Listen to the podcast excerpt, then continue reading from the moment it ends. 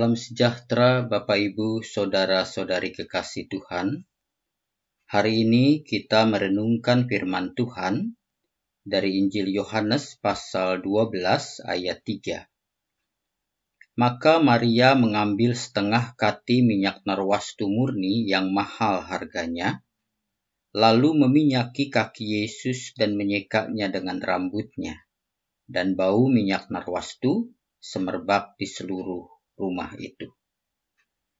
Bapak, Ibu, saudara-saudari kekasih Tuhan, bila kita menyadari bahwa banyak hal dalam kehidupan ini adalah kesempatan yang hanya datang sekali dan tidak akan kembali lagi, maka kita pasti akan menggunakan setiap kesempatan yang datang dengan sebaik-baiknya.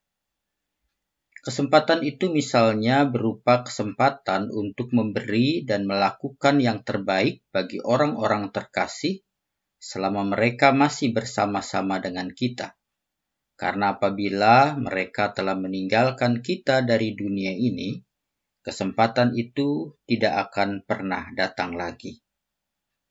Dalam bacaan Alkitab hari ini, kesempatan yang hanya datang sekali itu disadari betul oleh seorang perempuan yang bernama Maria. Peristiwanya terjadi ketika enam hari sebelum Paskah, Yesus datang ke Betania tempat tinggal Lazarus yang pernah dibangkitkan oleh Yesus dari antara orang mati. Di situ diadakan perjamuan makan untuk Yesus dan Marta melayani. Sedangkan Lazarus menemani Yesus makan. Tetapi Maria, ia mengambil setengah kati minyak narwastu murni yang mahal harganya, lalu meminyaki kaki Yesus dan menyekanya dengan rambutnya dan bau minyak semerbak di seluruh rumah itu. Saudara kekasih Tuhan, apa yang dilakukan oleh Maria adalah hal yang sangat tidak biasa. Setengah liter minyak narwastu murni yang mahal harganya itu, Yudas memperkirakan sekitar 300 dinar. 300 dinar berarti sama dengan upah pekerja harian kurang lebih selama setahun dan minyak itu dituangkan ke kaki Yesus. Itulah sebabnya bagi Yudas dan orang-orang sekitarnya yang menyaksikan hal itu, perbuatan Maria dianggap sebagai pemborosan. Tapi bagi Maria, hal itu adalah kesempatan untuk menunjukkan kasihnya yang mendalam kepada Yesus.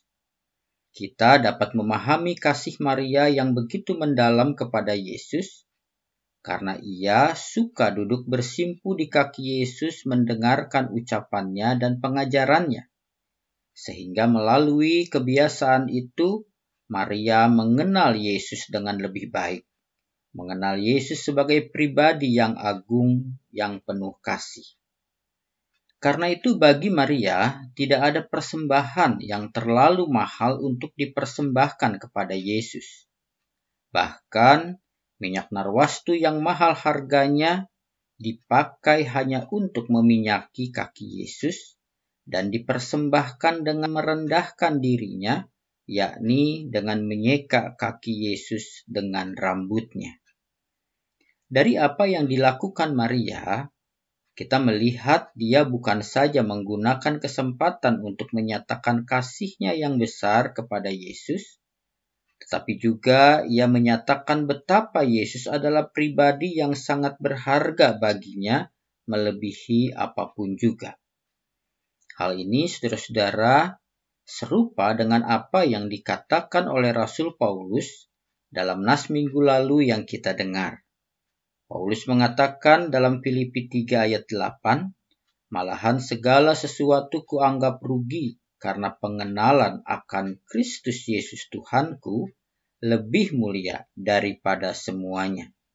Oleh karena dialah aku telah melepaskan semuanya itu dan menganggapnya sampah, supaya aku memperoleh Kristus. Saudara kekasih Tuhan, melayani dan melakukan sesuatu untuk Tuhan dengan melayani sesama dan orang-orang terkasih mungkin adalah kesempatan yang tidak akan terulang lagi dalam kehidupan kita. Karena itu, sudahkah kita menggunakan kesempatan melayani sesama dan orang-orang terkasih itu dengan sebaik-baiknya? Jangan sampai, saudara, kita mengalami sesal kemudian tak berguna. Saudara kekasih Tuhan, jika kita menyadari bahwa mengenal Kristus dan memiliki Kristus adalah hal yang sangat berharga, maka tidak ada pelayanan, pengorbanan, dan persembahan yang terlalu besar dan terlalu berharga yang dapat kita persembahkan kepadanya.